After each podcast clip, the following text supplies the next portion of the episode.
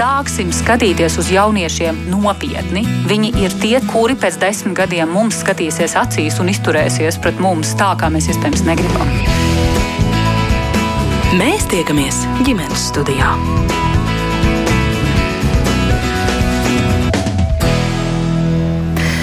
Labdien, rādījums ģimenes studijas sāk savu skanējumu. Jūs sveicināta producenta Ilza Zvaigznes un es Agnese Linka. Parunāsim par toletēm.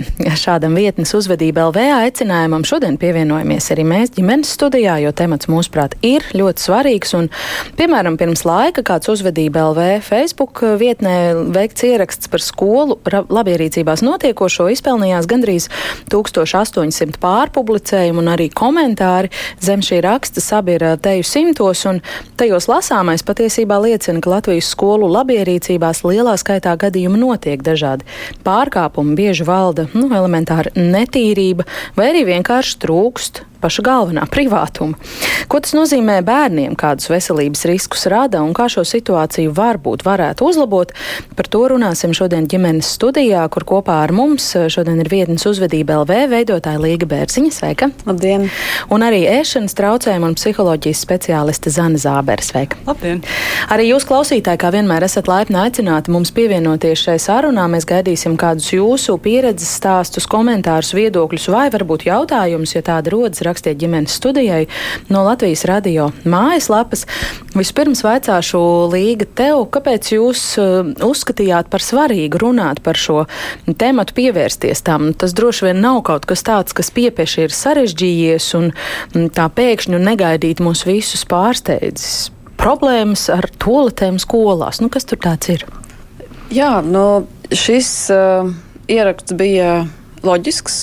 Šis ieraksts veidojās vairāku gadu garumā, jo tāpēc, mēs kā uzvedība LV komanda dodamies skolās un mēs arī risinām agresijas situācijas un uh, mēģinām nevis vienkārši izšķirt kaušļus, bet tiešām paskatīties dziļāk, kas notiek uh, klasēs un uh, saprast motīvus uh, daudz dziļāk, nevis vienkārši tiešām uh, nu, reaģēt uz pirmo signālu, ko mēs ieraugam.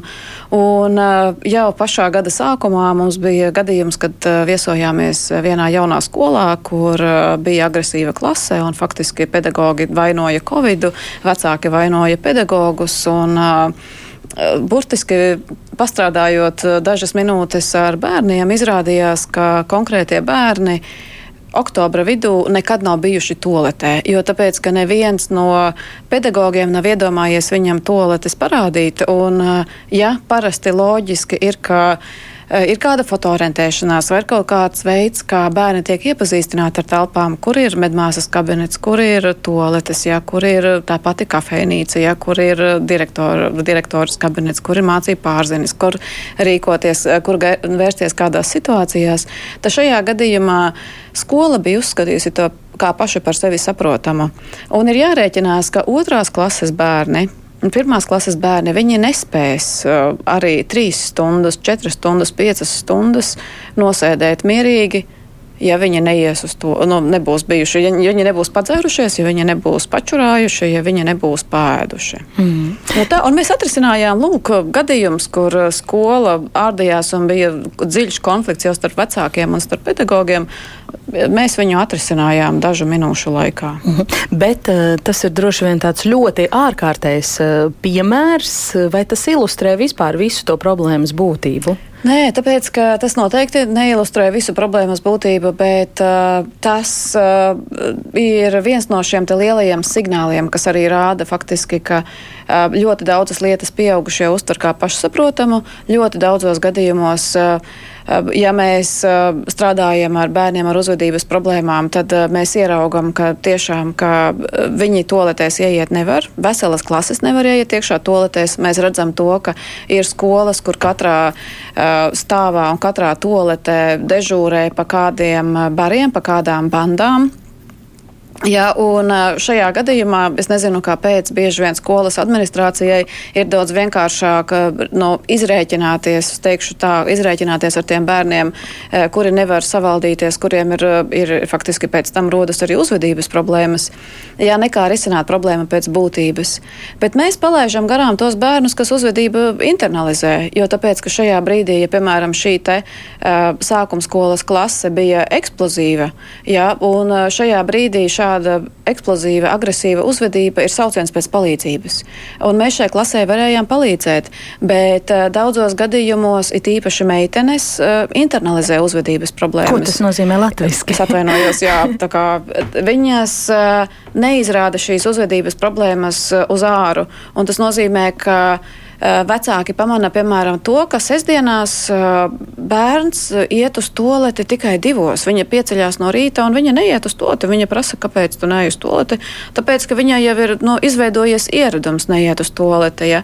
Mēs esam sastapušies ar klasēm, kur eh, meitenes un puiši nedzer ūdeni visas dienas garumā 9. klasē, jo tāpēc, ka viņiem ir bail, ka viņiem pēc tam gribēsies čurāt, bet uz toleti viņi nevar aiziet, jo viņiem ir bail. Viens ir, ka tur smird, viens ir, ka viņi tur fiziski netiek iekšā, un, un viens ir, ka viņus toletēs piekauj pazemo. Jā, mums ir arī toletes, kur, kur ir nofilmēts, ka bērniem, bērniem bāž galvas podos. Un tas viss ir mūsu Latvijā, un tas viss ir, tas notiek tagad. Mm -hmm. Jā, mūsu klausītāji arī jau aktīvi iesaistās sarunā no pirmajām minūtēm. Zana raksta, tieši šodien mans bērns atnāca no skolas apčurājies, izrādās nekad neiet uz skolas toleti, jo ir pieredzējis, ka tur viss ir sačurāts un viņš iet jau otrajā uh, klasē. Zana grib iesaistīt arī jūsu sarunā. Nu, kādam varētu likties, um, nu, tad nu gan laikam nav uh, radio vairs par ko runāt, ja jāspriež par toletēm, pie tam par skolu toletēm, taču cik lielā mērā var teikt, ka tāda šķietama triviāla lieta kā labierīcības un tas, kādas tās ir, ka tas ietekmē cilvēka, nu, šajā gadījumā bērna pusauģa labbūtību vidē, kur viņš ikdienā atrodas. Jūs strādājat ar pusauģiem, ar pusauģiem, kuriem ir ēšanas traucējumi. Jā, tieši tā, es strādāju galvenokārt galvenokārt pusauģiem, un, kuriem ir ēšanas traucējumi. Un, uh, cik interesanti, ka šī tēma, uh, zvans no Ilzas, pie manis atnāca brīdī, uh, kad es tieši biju saklausījusi tādu problēmu savu jauniešu vidū, arī vai no atsauksmes pie skolas vidu, vai arī personīgo pieredzi. Kad uh, skolās tik tiešām, kā Līga min, ir gadījumi, kad bērni nedzer ūdeni, uh, lai, lai tik nebūtu jāapmeklē šīs toaletes, vai tas ir saistīts ar kā bija minēts, tieši ar skolu bandām, vai ne? Vai drīzāk visbiežāk dzirdētais ir privātuma trūkums, vai ne, kad apakšā ir tās atvērumi, vai ne, un ka pārāk tuvi šīs mājas. Un, un, lai gan tēma ir kā triviāla, es pat, pat biju kaut kur, man personīgi absolūti tā neliekās triviāli, kas ir galvenā vieta mājās, kur, kur var aiziet mierīgi padomāt vai, vai ne faktiski mēs nevaram iztikt bez šīs telpas. Mēs dažkārt vērtējam restorānus pēc šīs telpas, vai ne? Manuprāt, vai tas, netika, tas nebija no līgas raksta, vai ne? Kad, kāpēc, lai skolās būtu savādāk, bērniņi tur pavada visu dienu, un arī domājot tieši no manas specialitātes, kas ir ēšanas traucējumi.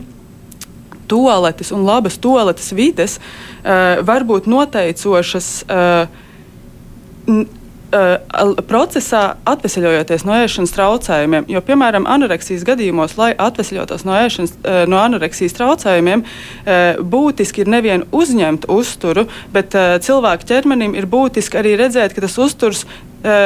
Lai nav par daudz informācijas, ne, bet nāk arī ārā, lai cilvēks atjauno visus savus dabīgos procesus. Un bērns, kas tikko ir atsācis ēst, jaunietis, kas tikko ir atsācis ēst, viņam tik tiešām pātrinās vielmaiņu, biežāk vajag uz, iet uz toleti. Un situācijā, ja skolās nav pieejams omulīgas vides, vai ne, kārtīga, tīra, pat klusa vide, vai ne, jo dažkārt vēders, kas atvesaļojas no nēšanas, viņš iet cauri uh, grūtībām, vai ne, un mēs varam iztēloties, kas tās ir pa grūtībām, vai ne, klusa vide. Uh, problemātiski toalešu vidi patiesībā var apgrūtināt atvesļošanos no anoreksijas eh, vai pat apturēt to. Es esmu dzirdējis tādus gadījumus savā, savā praksē, vai ne, kad um, Nē, lai nebūtu jāiet tajā toaletē, jo tur ir grūti iet, un tās ir 8 stundas dienā, 8 stundas nē, nu kā tad var cilvēks atkopties no anoreksijas, kas ir smagākā psihiatriskā saslimšana, nāvīgākā psihiatriskā saslimšana, atvainojos. Mm -hmm. Kāds iespējas rodas līga? Tu daudz konsultē un apmeklē skolas, vai mēs tā labprāt runājam par šo, vai šim jautājumam tomēr ir kāds tāds stigmatizēts status vai tabū status? Vardarbībai patīk klusums. Un, uh, šis jautājums ar toaletēm ir bezgalīgi sarežģīts, jo viņš ir ļoti sensitīvs. Jo tāpēc, ka tajā brīdī, tad, kad uh, tiešām cilvēki ir toaletē, viņi ir ārkārtīgi neaizsargāti. Jā, tas arī tas, ko tu minēji par to, ka bērniem ir tendence tagad uh, izmantot kameras toaletēs, jā, mm. virs būdiņām, zem būdiņām. Mm. Uh, tā kā šis privātums nav. Un, un, uh, Attiecīgi šis jautājums ir ļoti sarežģīts. Un, uh, tajā brīdī, tad, kad tu skolā uzdod sarežģītu jautājumu, tad uh, ir jāmeklē atbilde. Mm. Un tāpēc bieži vien uh, pieaugušajiem ir ērtāk neuzdot šos sarežģītos jautājumus. Bieži vien viņiem ir uh, tāda vēlme domāt, kad bērni paaugsies, varbūt šis jautājums sakārtosies.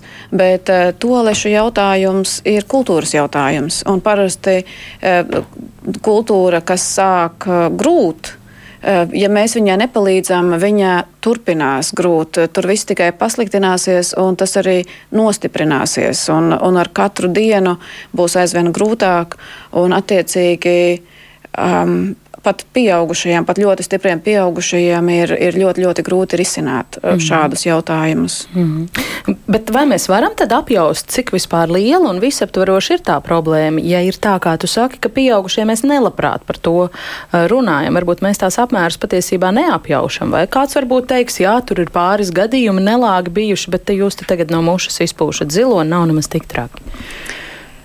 Vien, nu, es neesmu cilvēks, kam prasīt par uh, statistiku, jo tāpēc, ka es esmu viena un mums ir ļoti maza komanda un mēs uh, mēģinām nevis atrisināt kaut ko globāli visā Latvijā, bet tiešām mēs pieskaramies dzīvē, vai tā ir bērna dzīve, vai tā ir klases dzīve, vai tā ir skolas dzīve.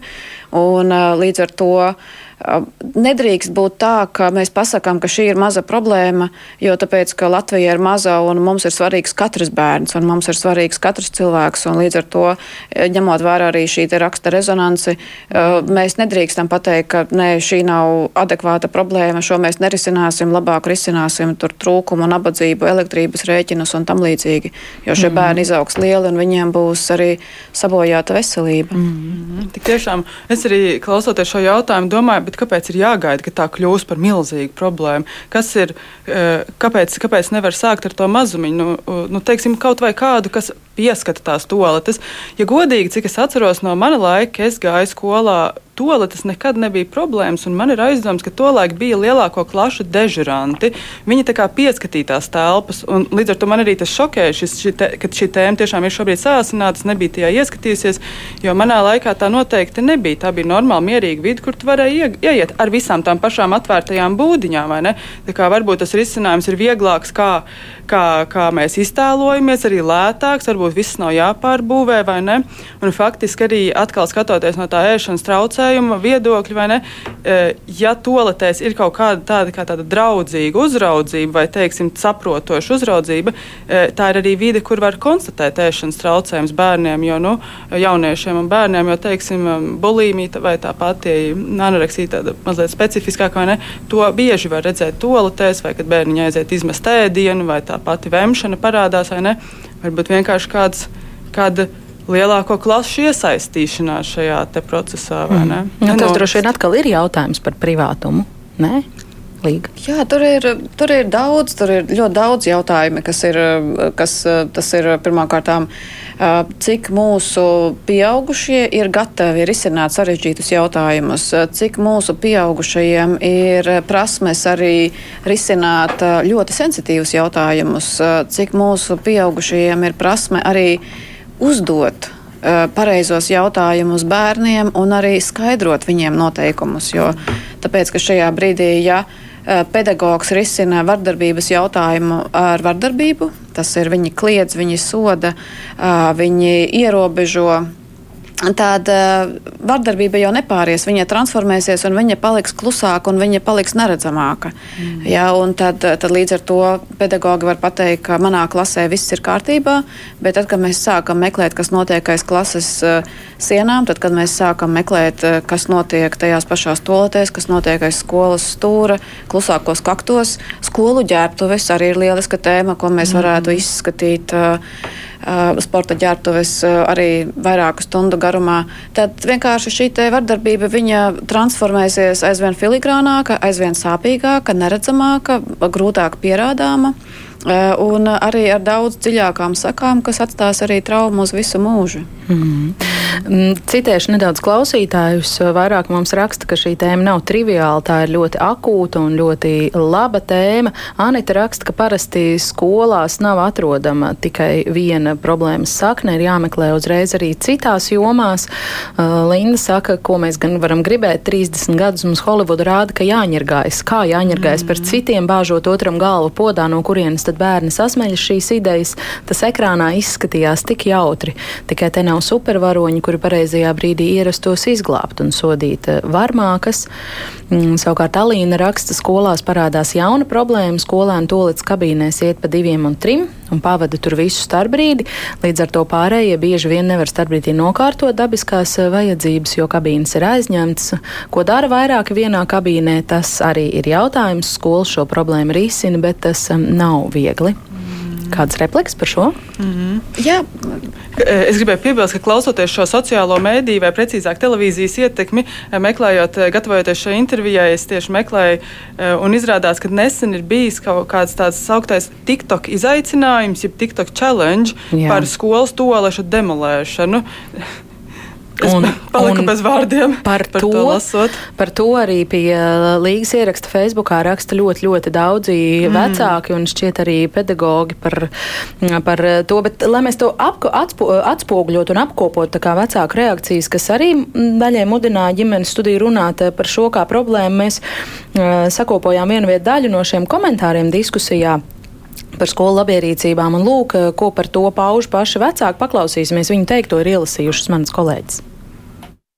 Nespēja vārdos ietērpt sajūsmu, pateicību par šo tematu, arī dusmas, ka tam skolās iepriekš nav pievērsta vajadzīgā uzmanība. Kāpēc pieaugušie par restorānu spriež pēc labierīcībām, bet skolā skolēniem toalet ir tabū tēma? Nav tabū, bet sāpīga tēma gan.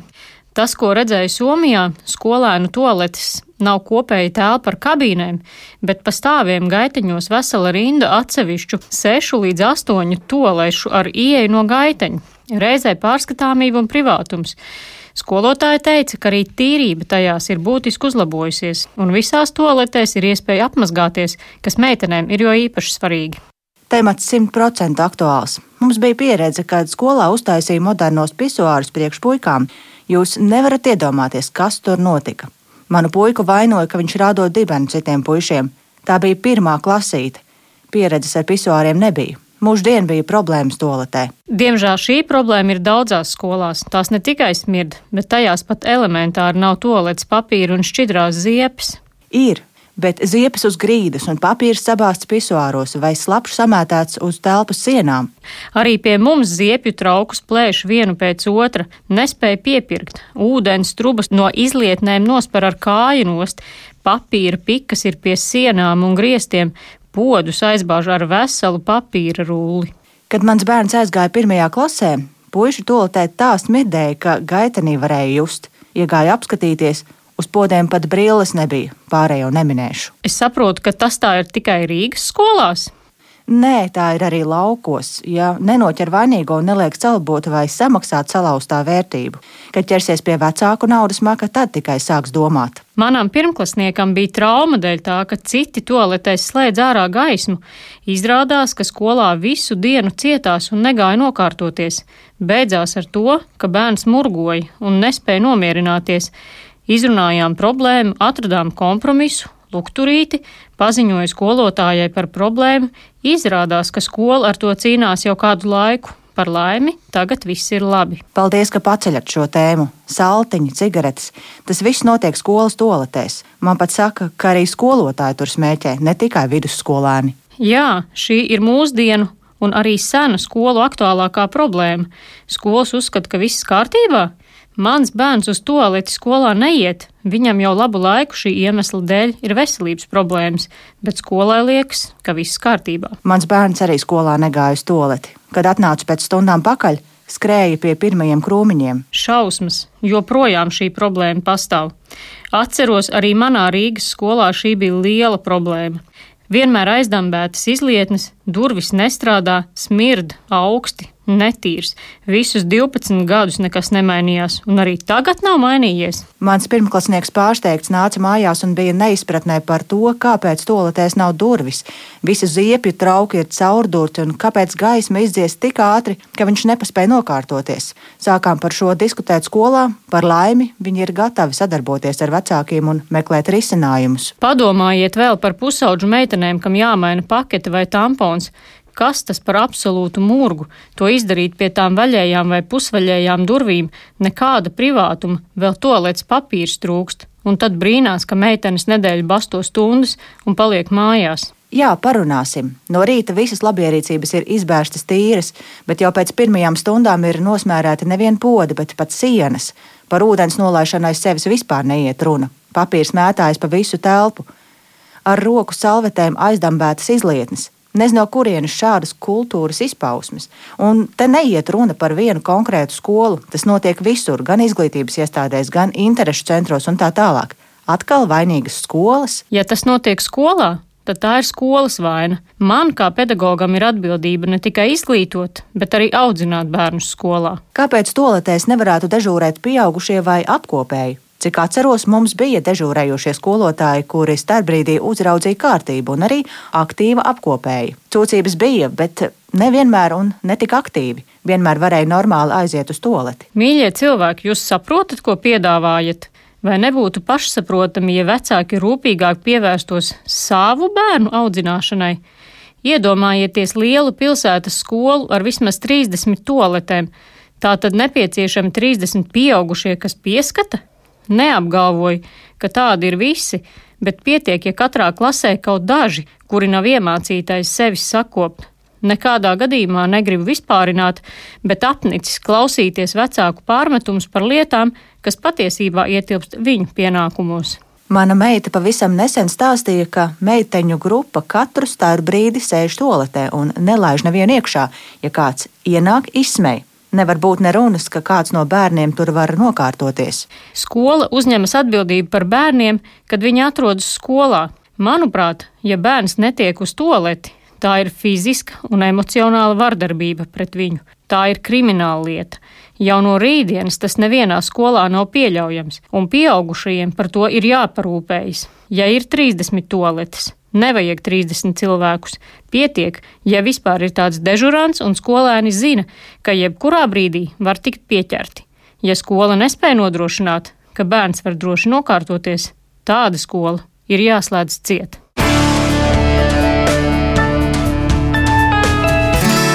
Tālūk, vecāki un eh, vienu pēc otra mēs varētu šķetināt šos dažādos uh, aspektus, kas um, parādās vecāku teiktajā. Varbūt tas pats pēdējais apgalvojums ir tāds visskarbākais. Tāda skola, kurā bērns nevar normāli aiziet uz labierīcībām, nedrīkst pastāvēt.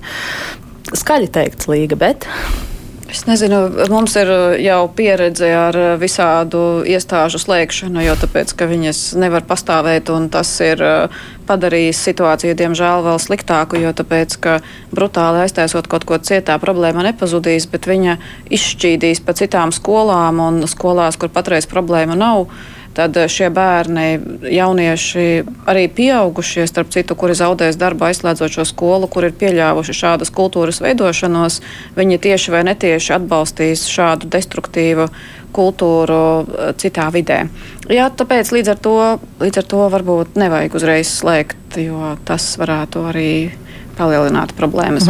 Bet kas akcentējums varbūt vecāku teiktajā tev šķistu? Tā kā ir vairākas tādas labas lietas, arī lai druskuļi mazinātu tādu bezspēcību. Vairākos komentāros arī no tika minēts tas, ka tiešām nevajag 30 ap, aprūpētājus vai 30 apkalpotājus katrai toaletei, jo kas ļoti labi strādā, strādā nenoteiktība. Un arī es zinu skolu līderus, kuri paši personīgi iet pārbaudīt toaletes, jā, un viņi paši dodas iekšā. No šajā gadījumā kā, skolas direktore dodas meiteņa toaletēs, kā, nokārtoties. Tur, ne, tur nevajadzētu. Es gan nezinu, ko saka protokoli, bet tas vienmēr ir labs piemērs. Un vienmēr ir ļoti labi arī restorāna īpašniekiem pagaršot savu ēdienu, ko viņiem pasniedz darbinieki. Un tāpatās arī tomēr pašiem pedagogiem laiku pa laikam aiziet nevis tikai uz savām perfektajām, smaržīgajām toaletēm, bet tiešām paskatīties, kas notiek pie bērniem. Un tāpatās arī, protams, skolu direktori dodas puišu toaletēs, un, un, un, un viņi dodas arī vairākas reizes. Es esmu dzirdējis tādu stāstu, ka tas viens arī skolas vadītājs, viņš arī saka, jā, ka viņš tā dara. Un šajā brīdī to, kultūra jūt, to jūt uh, organizācijas kultūra, ka tā tad tevi var pārbaudīt jebkurā brīdī. Tas nozīmē, ka, uh, ja tur būtu tāds cietumsargs, tad uh, bērni, jaunieši, pieaugušie domātu, kā viņi varētu izjokot, kā varētu šos noteikumus pārkāpt. Bet šie, tieši šī te, nelielā uzraudzība, viņa uzreiz iedod, viņa uzreiz disciplinē, viņa uzreiz arī rada šo vidi pilnīgi, pilnīgi savādāku. Un tāpat tās arī ir dažādi veidi, arī kā skolas var darīt. Ļoti svarīgi ir uzticības persona. Tātad skolā visiem bērniem ir jāzina, ka tātad, ja toaletē ir problēma, es varu aiziet pie šī cilvēka un viņam arī izstāstīt, kas ir noticis.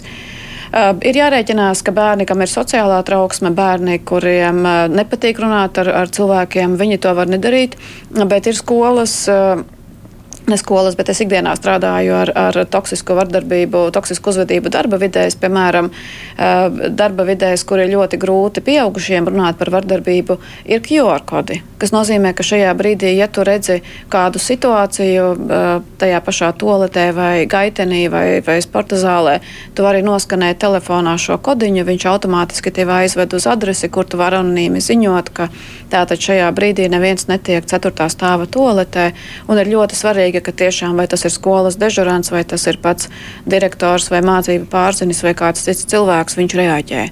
Jo tajā brīdī, ja uh, skola adekvāti reaģēs uz pirmajiem signāliem, uh, kultūra mainīsies acu mirklī. Jā, mums ir jānodod signāli bērniem, ka uh, skolā vardarbība netiek pieļauta, vienalga kāda vardarbība, un uh, tu vari ziņot droši, tev par to nebūs nekāds sots, tu nebūsi sūdzama bībele.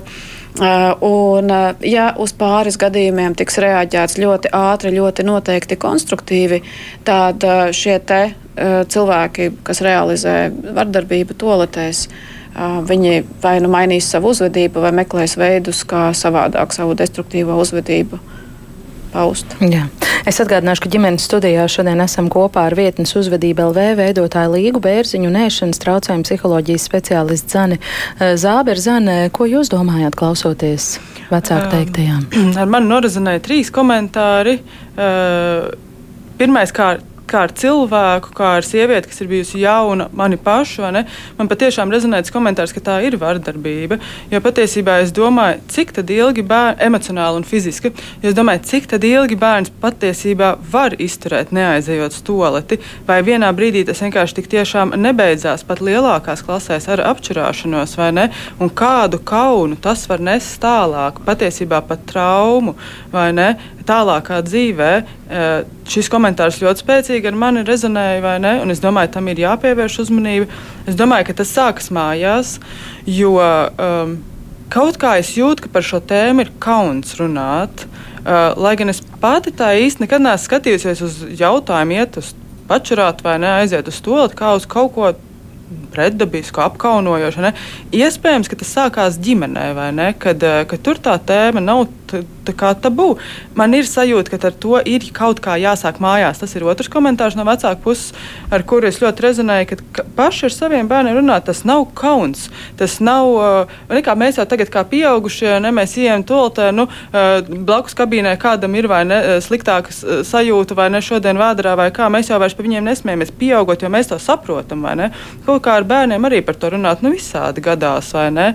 Um, Jā, tas bija, tas, bija tas, tas otrs komentārs, ar ko man nezināja. Ah, un trešais bija jā, tieši tā par šiem dežurantiem. Un man ļoti patīk, ko Līga minēja, ka tieši tā, lai nav tāds, kā tāds, kā tāds um, uh, cietuma sargs, kā tu teici, vai ne? Bet, ja es pareizi atceros, ka manā skolā tie bija 12. klasu skolnieki vai augstāko klasu skolnieki, kas katru nedēļu mainījās, un viņi e, uz katru stāvu bija divi, viens puisis, viens meitene. Viņš, viņi uzraudzīja, kā toaletes tā e, vai gaitenī notiek kārtība, un tur jau iestājas tāda interesanta hierarhija. Mazajām meitenēm, vismaz es tā atceros, lielās meitenes likās ļoti stilīgas un kā, gribējās tā, lai tur ir tādas labas attiecības, vai ne? Tāpēc, tā, ka viņas ienāca tajā toaletē, vai ne? nu, tad visas meitenes tā uzreiz. Mēs tur pāris reizes kaut ko mēs tur pļāpājām, tusējām, tā to tāda vardarbība tajā laikā nenotika, ne? Bet mēs arī uzreiz tā savācāmies, jo lielās foršās meitenes. Nu, tas nebija kāds, ko gribās, vai ne tā varbūt. Uh, apsmiet mazliet, tā kā līga minēja. Kā šie trīs komentāri gan ar, gan ar pievēršanu uzmanību mājās, gan ar risin, iešanu uz risinājumu. Tur ir ko darīt, un, un, bet to var padarīt. Mm -hmm. Starp citu, mums ir vairāk komentāri, kas, eh, protams, raksta, ka vecākiem, tieši tāpat kā arī iepriekš izskanējis, ir eh, jāmāca saviem bērniem šī elementārā kultūra mm. un cieņa pret sevi un citiem. Kāds klausītājs, kurš parakstījies kā seniors, raksta, jā, ka neticam, ka mūsdienās, kad toaletēm tiek ražot neskaitām higienas līdzekļi, Latvijā tā ir problēma. Esam bijuši citās Eiropas valstīs, tur ir eh, toaletes tīrākās vietas iekštelpās, pat mazos lauku ciematos. Mm, tā ir latviešu kultūra, toaletēs nevar redzēt papīra dvieļus vai roku žāvētājus, un bērni vienkārši rokas nemazgā, pierod pie toaletēm kā visbriesmīgākās vietas, un tad arī pieauguši darba vietās un sabiedriskajās toaletēs vairs neprot uzvesties uh, kulturāli. Zana, es zinu, ka jūs esat strādājis, mācīsies arī Lielbritānijā. Nu, mm -hmm. ja mēs tā mhm. palūgtu salīdzināt, tur Jā. ir kaut kādas arī uh, šādas problēmas, vai tur viss ir perfekti un tiešām mēs esam aizkrāsnē? Uh, es nekad negribētu tā domāt par Latviju. Es personīgi domāju, ka tas ir uh, mīts, ka mums te ir daudz sliktāk. Eh, es eh, dzīvoju Londonā, tā, tā varbūt tā kā centrālā, tā vēl Lielbritānijas daļa, vai ne, bet tad, kad mēs bijām izbraukuši uz ā, ārējākām pilsētām, tur ir novērojams tieši tāds pats kultūras trūkums, vai ne? Es noteikti tā Latviju nelikt vienā stūrī. Es drīzāk eh, dzīvojot šajās lielpilsētā, vai ne, ko vēl mēs dažkārt pat saucam pa Eiropas galvaspilsētu, vai ne, secināju to, ka diži tālāk jau nu viņi nav tikusi no mums, vai ne? Un strādājot tur klīnikās, es tagad domāju, eh, Londonā es strādāju ēšanas traucējumu specializētās klīnikās. Laikam no turienes mēs piemēru par toaletēm nevarēsim ņemt ap, apmeklētāji toalets vienmēr nebija labā kārtībā. Pat slimnīcā tā kā mēs varam atrast mierinājumu sev, bet meiteņu toalets slimnīcās jau bija mazliet specializēts kā psihiatriskai mm. klīnikai, tāpēc tur piemērus mm. nevarēšu sniegt. Jā, nu, jā Anita arī raksta to pašu, ko Līga pirms kāda brīža teica, ka nav saprotams, kādēļ ir atsevišķs skolotāja toalets. Ja skolotāji iet turpat, kur bērni, tad tas iespējams samazināt šo problēmu. Līga. Un te es vēlētos vēl vērst uzmanību uz divām lietām. Pirmais ir uh, mums Latvijā ir bijuši gadījumi, kad um, piemēram, arī tika minēts ar fekālijām nosmērētas sienas, uh, ir bijis uh, pamats faktiski arī iesaistīt policiju. Uh, jā, un līdz ar to, ja mēs redzam ļoti netipisku uzvedību zēnu meitiņu toaletēs, un ja mēs redzam, ka šī uzvedība atkārtojas, ja mēs redzam, ka viņi sākas vienā toaletē, un pēc tam ar fekālijām ir nosmērētas arī citas sienas, ir vērts tomēr nu, izveikt procedūru un procesu, un skolas arī zina, kā to dara, lai noskaidrotu, kuri bērni, kurā klasē, kas to realizē, un, un saprastu arī šīs uzvedības nu, motīvus. Jā, mm -hmm. tā varbūt es dziļāk tālāk neiešu, tur jau ir. Nu, tie ir specifiski cita, gadījumi, jā, jā, bet ļoti... citu interesanti tas, ka tu mini skolas zina, kā to darīt, jo manā rīcībā ir informācija, ka skolām grūti izdodas tos demolētājus uzpazīt, kuri tad tie īsti ir, tīpaši puiši puišu toaletēs, ja lielākā daļa skolotāju kolektīva ir sievietes, tad eh, skolotāji lūdz bērniem, lūdzu paziņojiet, ja jūs redzat, kurš regulāri taisa šīs nekārtības. Nu, tas ir tas stāsts laikam par to TikTok izaicinājumu. Mm. Nu, tomēr nu, šāda uzvedība parasti ir prognozējama. Viņa notiek, piemēram, stundu laikā. Tāda demolēšana notiek reti starpbrīžos. Jā, un, un, un šajā brīdī jautājums ir par to, vai pieaugušie tiešām vēlas šos jautājumus risināt, vai viņi pievērš uzmanību, vai viņiem ir prasmes, vai viņiem ir vēlēšanās ievākt datus par bērnu ieradumiem. Piemēram, mums ir skolas, kas arī teikušas, ka viņi, protams, daudzās skolās ir kameras, un viņi arī zina, ka, ja viņi kamerās redz, ka tagad ieiet trīs 6. B klases bērni toaletē, ka tur sāksies nepatikšanas. Tad ir vērts arī kādam pieaugušajam tomēr pieskatīt, un kāpēc tiešām tas arī pieaugušais neietu blakus kabīnē un, un, un, un neuzmanītu. Ja? Mm. Kā, tas ir viens. Tātad līdz ar to šajā gadījumā nu, tiešām cienītās skolas nu, ir jābūt. Šos gadījumus nedrīkst pieļaut, jo tāpēc, ka bieži vien tur apakšā ir ne tikai tāda demolēšana, bet tur apakšā var būt arī daudz, daudz sarežģītāki. Arī mēs varam arī runāt un skart jau arī seksuālās vardarbības jautājumus, un kas ir ne tikai seksuālā vardarbība, kas arī digitālā vardarbība. Ja, kā, jo ļoti bieži tas, kas notiek toaletēs, diemžēl arī tiek filmēts, un Dievs zina, kur tas tiek arī nosūtīts. Tā kā,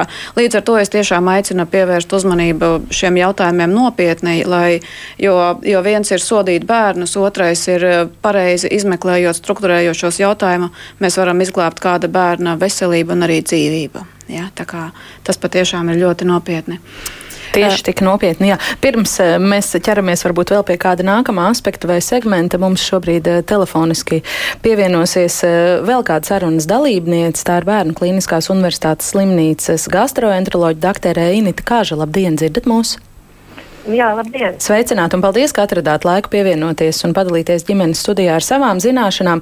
Es gribu vaicāt, kāds ir tas jūsu kā ārsta skatījums uz to, ko atzīst daudzi vecāki, ka skolu toletes viņu bērniem ir problēma, tīpaši sākuma skolniekiem, tiem, kas eh, skolā tikko uzsāk mācības un ikdienu vada jaunā vidē, bet arī lielākiem skolēniem.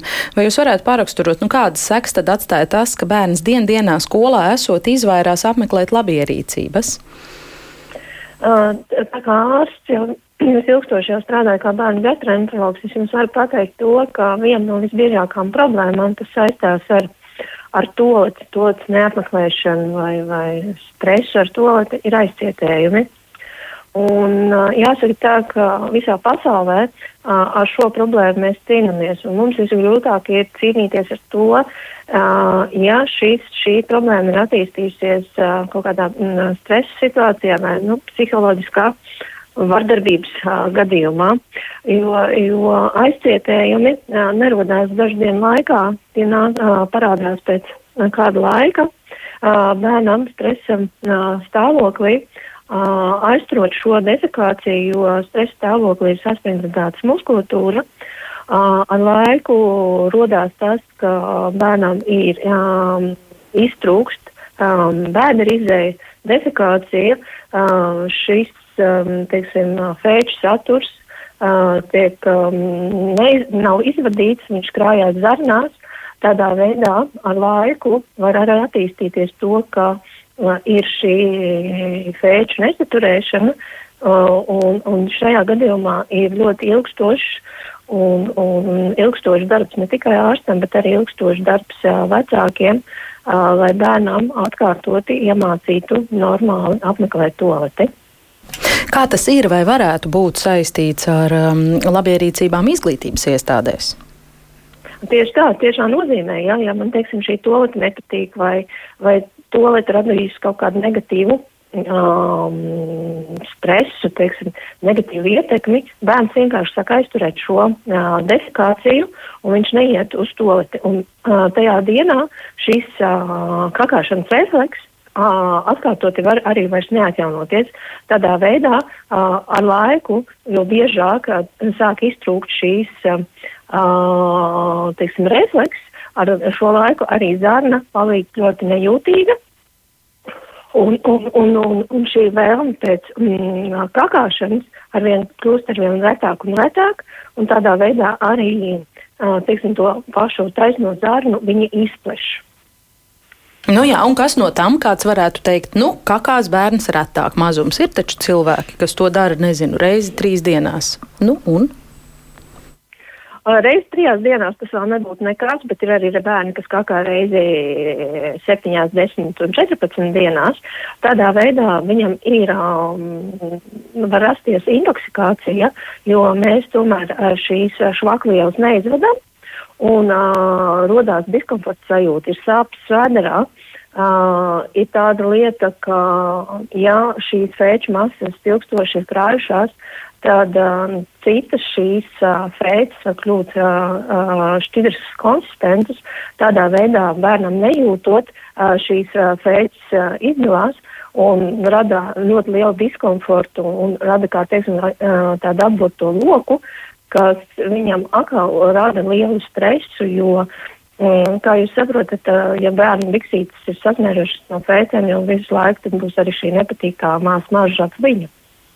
Jā.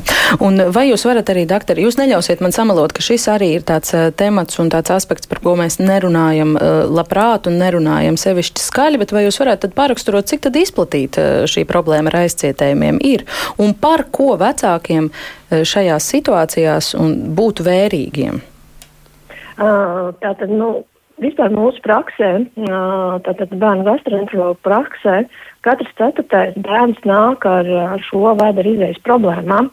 Mums ļoti noteikti grūti ir um, izvērtēt, kas ir šis um, iemesls, vai tas ir uzturs, vai tas ir kaut kāda vēl, teiksim, uh, kaut kāda cita iemesla dēļ, un visgrūtāk ir saprast, vai tomēr šie vēdera izējas problēmas nav radušās kaut kādas stresa, negatīvas stresa ietekmē.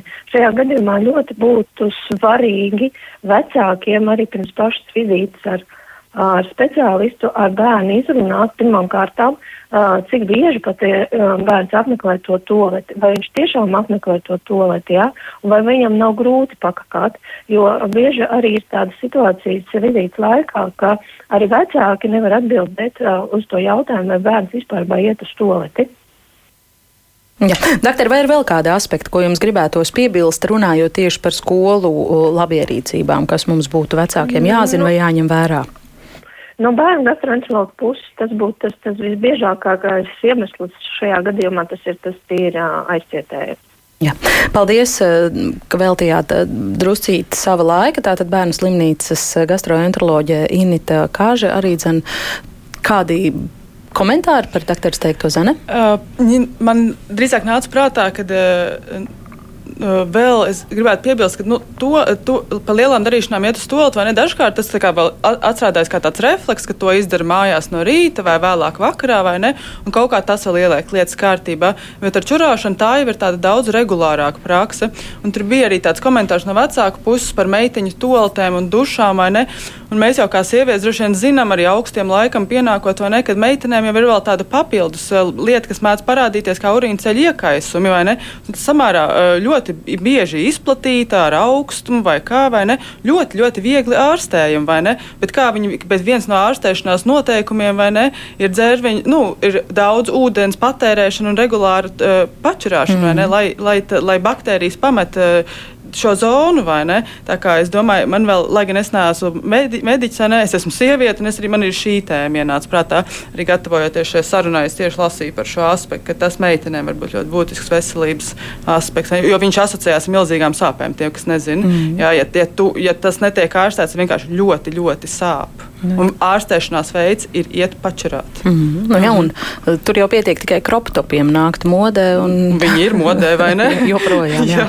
Līga, par ko tu domāji, doktors teiktajā klausoties? Es redzētu, kaut ko pierakstīju. Jā, es pierakstīju divas lietas. Jā. Pirmais ir, šeit ir tiešām liels uzsvars arī uz pedagogiem un uz to, kā pedagogi vēro šos bērnu ieradumus attiecībā uz toleti. Un, piemēram, nereti, tad, kad es dodos uz skolām, pedagogi sūdzās, ka bērni stundu stundu laikā iet uz toleti. Ja? Un, protams, ka ja viņiem to nav iespējams izdarīt starp brīdī, tad uh, viņi to darīs stundu laikā. Un, starp citu, ja mēs dodamies uz skolām un mēs strādājam ar klasi, kur viņi sūdzās, ka tur uh, smēķē saltiņus vai ka tur totēņi ir gājis vai tur bērni ir ieslēgušies iekšā vai vienkārši nelaiž ārā, tad uh, viens no mūsu padomiem ir jauniešiem doties uz toleti tajā brīdī, tad gadskans zvans uz stundu, jo tad visi dodas prom un tad parasti ir brīvāk un ļoti ātri var arī izdarīt izdarīt to, kas tev ir jādara, jo nereti tās tiešām ir dažas sekundes vai pusminūte un, un minūte, un, un to es atpakaļ savā stundā. Uh, un, uh, bet uh, līdz ar to atkal es aicinu pedagogiem būt ārkārtīgi iejūtīgiem. Mm. Un, ja viņi redz, ka sākas šī staigāšana pa uz toaletēm stundu laikā, tad tas var nebūt saistīts tikai un vienīgi ar izvairīšanās uzvedību, ka viņiem negrib, mā, negrib mācīties garlaicīgas stundas. Tā arī nu, kā tad būt. to nošķirt, kad tā ir pastaigāšanās, prieka pēc un kad tā ir tiešām tāda vajadzība? Faktiski parasti tad, kad mēs sākam risināt uh, skolā sarežģītus stāstus, mēs pieņemam, ka ik viens cilvēks uzvedas tik labi, cik viņam ir iespējams konkrētajā situācijā. Un uh, nevis iet iet uz sodiem, bet tiešām cieņpilni mēģināt saprast, kas īsti notiek, kas īsti stāv aiz tādas pedagoģa agresijas, aiz pedagoģa mēģinājuma aizliegt, sodīt, neļaut nevienam uh, galīgi neko. Un kas stāv arī aiz šo jauniešu motivācijas? Uh, un parasti uzvedība arī tomēr ir ļoti nozīmīgs uh, informatīvs signāls, kas tiešām var liecināt nevis par vienkārši vēlmi izklaidēties, bet arī par mēģinājumu risināt savas ļoti nozīmīgās problēmas pilnīgi destruktīvā veidā. Mm. Klau, nu, ja tu par šo ieminējies, tad es tomēr jautāšu, nu, kā tad vērtēt un novērst to, ka pēkšņi ir viens eh, ļoti vairāls TikTok video, kur ir izaicinājums izdemolēt skolas toleti, piecūkot piecūko to tādā vai citādā veidā, un tagad pēkšņi izrādās, ka tas kā vilnis gāžas pāri, mm. pāri visai valstī. Ko ar to iesākt? O, tas ir līdzīgi tāpatās kā ar tēmu, kas ir viss saistīts ar pubertāti un arī ar seksuālu audzināšanu, jo tāpēc, ka šī ir tēma, kas skolās ir absolūti aktuāla, jo tāpēc, ka pateicoties arī telefoniem, internetiem, arī sākuma skolas bērniem ir pieejams vecumam neatbilstošs saturs, mm -hmm. un viņi tiešām realizē vecumam nepiemērotu uzvedību. Bet ņemot vērā mūsu paudzi, kur mēs par šiem jautājumiem neesam runājuši. Mēs vienkārši nemākam runāt par to, kas ir saistīts ar, ar, ar intīmiem jautājumiem, vai tā būtu tiešām urīnceļu iekaisumi, vai tās būtu menstruācijas, vai tas būtu tiešām arī uh, no šī te, kaut vai tiešām iešana uz toleti, jā, urināš, urinēšana. Un tā, līdz ar to mums ir jāsāk runāt par to. Mm. Pirmās sarunas būs briesmīgi neveiklas un, un, un ļoti smieklīgas, bet ar katru nākamo reizi tas tiešām izdosies labāk.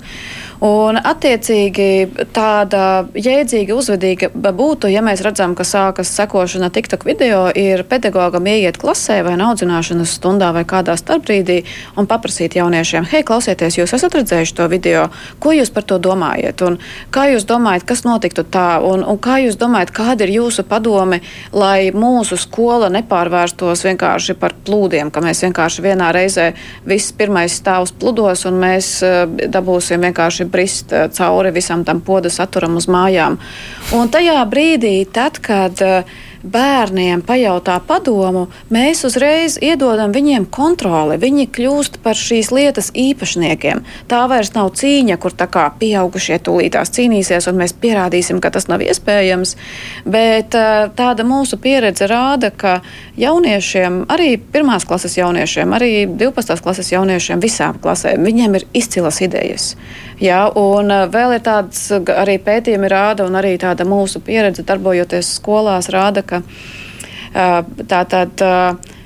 Ja paši jaunieši izstrādā noteikumus, ir pa 80% lielāka varbūtība, ka viņus viņi arī ievēros. Ja, ka mums nevajadzētu tagad stāties tādās divās cīņas pusēs. Mm. Un, ja man ir laiks, tad es labprāt vēl par jā. vecāku lomu pateiktu. Jo... Noteikti, jo mēs visu laiku tikai par skolām, to skolas, jā. to un skolas, mm. šito un skolotāju, bet ļoti daudz saka, vecākiem tam procesam ir jāpieslēdzas. Jā, jā, un te ir tāds uh, interesants uh, mīts uh, ar vecākiem, jo tāpēc, ka tad, kad es dodos uz skolām un es uh, saku to leģendāro frāzi, nu, parunāsim par toaletēm, tad parasti sakrusto roku, ka nu, nē, problēmas ir ģimenē, viss sākas ģimenē, mums kā, tas ir ģimenes un vai tas ir vecāku jautājums. Mums arī ļoti daudz tādu komentāru. Jā, krājas. un tā interesantā lieta ir tāda, ka nav viens Latvijā tāds universāls un standartizēts vecāks. Tas ir tāds citiem pedagogiem ir liels atklājums, ka tie vecāki ir ļoti atšķirīgi. Un ir vecāki, kas labprāt sadarbojas, un ir vecāki, kuriem nav ne mazākā nojausma, ka aiz viņiem, ka viņiem toletēs pēc no dabisko lietu izdarīšanas ir jānolaiž ūdens, jo viņiem dzīvē nekad neviens to nav pateicis, un viņiem patiešām tas ir atklājums. Un es to saku, es strādāju ar pieaugušiem darba vietā, un, un, un reizi gadā vismaz es satieku kādu pieaugušo, kuram es pasaku, vai tu zināji, ka vispārībā pieaugušie iet dušā reizi dienā, un vēlams būtu vispār divreiz dienā iet iekšā, un viņiem tas ir atklājums. Un, uh, Un viņš ir pārsteigts, un viņš saka, labi, un, un ir gadījumi, kad cilvēki tiešām arī sāk mazgāties divreiz dienā.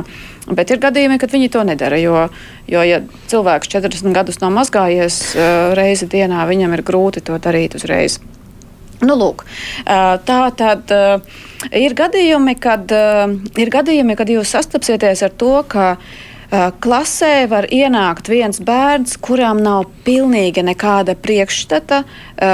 Kas ir jādara toaletē, kas ir toaletes kultūra. Un eh, šeit ir tā, ka ir tā pati kultūras dinamika. Ja klasē ienāk viens bērns ar sarežģītu uzvedību, ir liela varbūtība, ka visa klase kļūs par klasi ar sarežģītu uzvedību. Uh, jā, un, eh, un līdz ar to viņš nenolaidīs aiz sevis ūdeni, toaletē. Nākamais nāks iekšā, viņiem smirdēs, it īpaši puišiem, nu, ko puiši dara, ja viņiem nu, kaut kas tur smird. Viņi vienkārši paiet tālāk un izdara visas savas dabiskās lietas. Un tas nozīmē, ka tur smirdēs vēl vairāk. Un mēs uh, sākam šādu aburto loku. Uh, un, ja mēs to redzam, mēs redzam pirmos signālus, jo parasti nav tā skolās, ka toaletes paliek cūciskas 1. septembrī. Viņas pamazām paliek cūciskas. Eh, tas nozīmē, ka mums jāiet iekšā klasē un mums ir jārunā ar bērniem un arī ar jauniešiem par elementārām lietām. Nu, ko tas nozīmē savāktais sevis. Un kur ziņot, ja tas nav izdarīts, un kā rīkoties, ja ir vardarbība, un kā rīkoties aizvien sarežģītākos, sarežģītākos, sarežģītākos gadījumos. Mm. Nē, nu tu pieminēji tos QR kodus, kurus varētu noskanēt un tādējādi kaut kā pievērst uzmanību, bet tādas lietas droši vien Latvijas skolās pagaidām vēl tālu nākotnē, vai ir jau kaut kur? Es ceru, ka ir. Tāpēc, ka es par to ļoti tikai. daudz runāju. Mēs varam izveidot konkursu kā, kopā uzvedību LV ar Latvijas Rādio ģimenes studiju. Iesūtiet savos, lab, savus labos prakses piemērus par tūletēm, kā jūs cīnāties ar šo jautājumu, un mēs jums aizsūtīsim jums jebkuru spēli. No uzvedības vai kataloga. Brīnišķīgi, šis mums būs jāizgriež un jāmēģina padarīt populārs sociālos tīklos uz tādu tādā smaidīgā noskaņā tad arī jā, noslēgsim šo sarunu. jā, es parasti šonadēļ vairākas reizes teicu uz šīs pozitīvās nots, tāpēc šoreiz teikšu vienkārši pozitīvā noskaņā. Teikšu paldies par sarunu ģimenes studijā šodien vietnes uzvedība LV veidotāja Līgai Bērziņai un arī ēšanas traucējumu psiholoģijas speciālistē Zanē Zāberē. Paldies, ka atnācāt uz ģimenes studiju. Šo radījumu veidoja Ilza Zvaigzne, Katrīna Bramberga. Mans vārds ir Agnes Linka. Mēs tiekamies ar jums arī podkāstos, arī mobilajā lietotnē un sekojiet ģimenes studijai sociālos tīklos.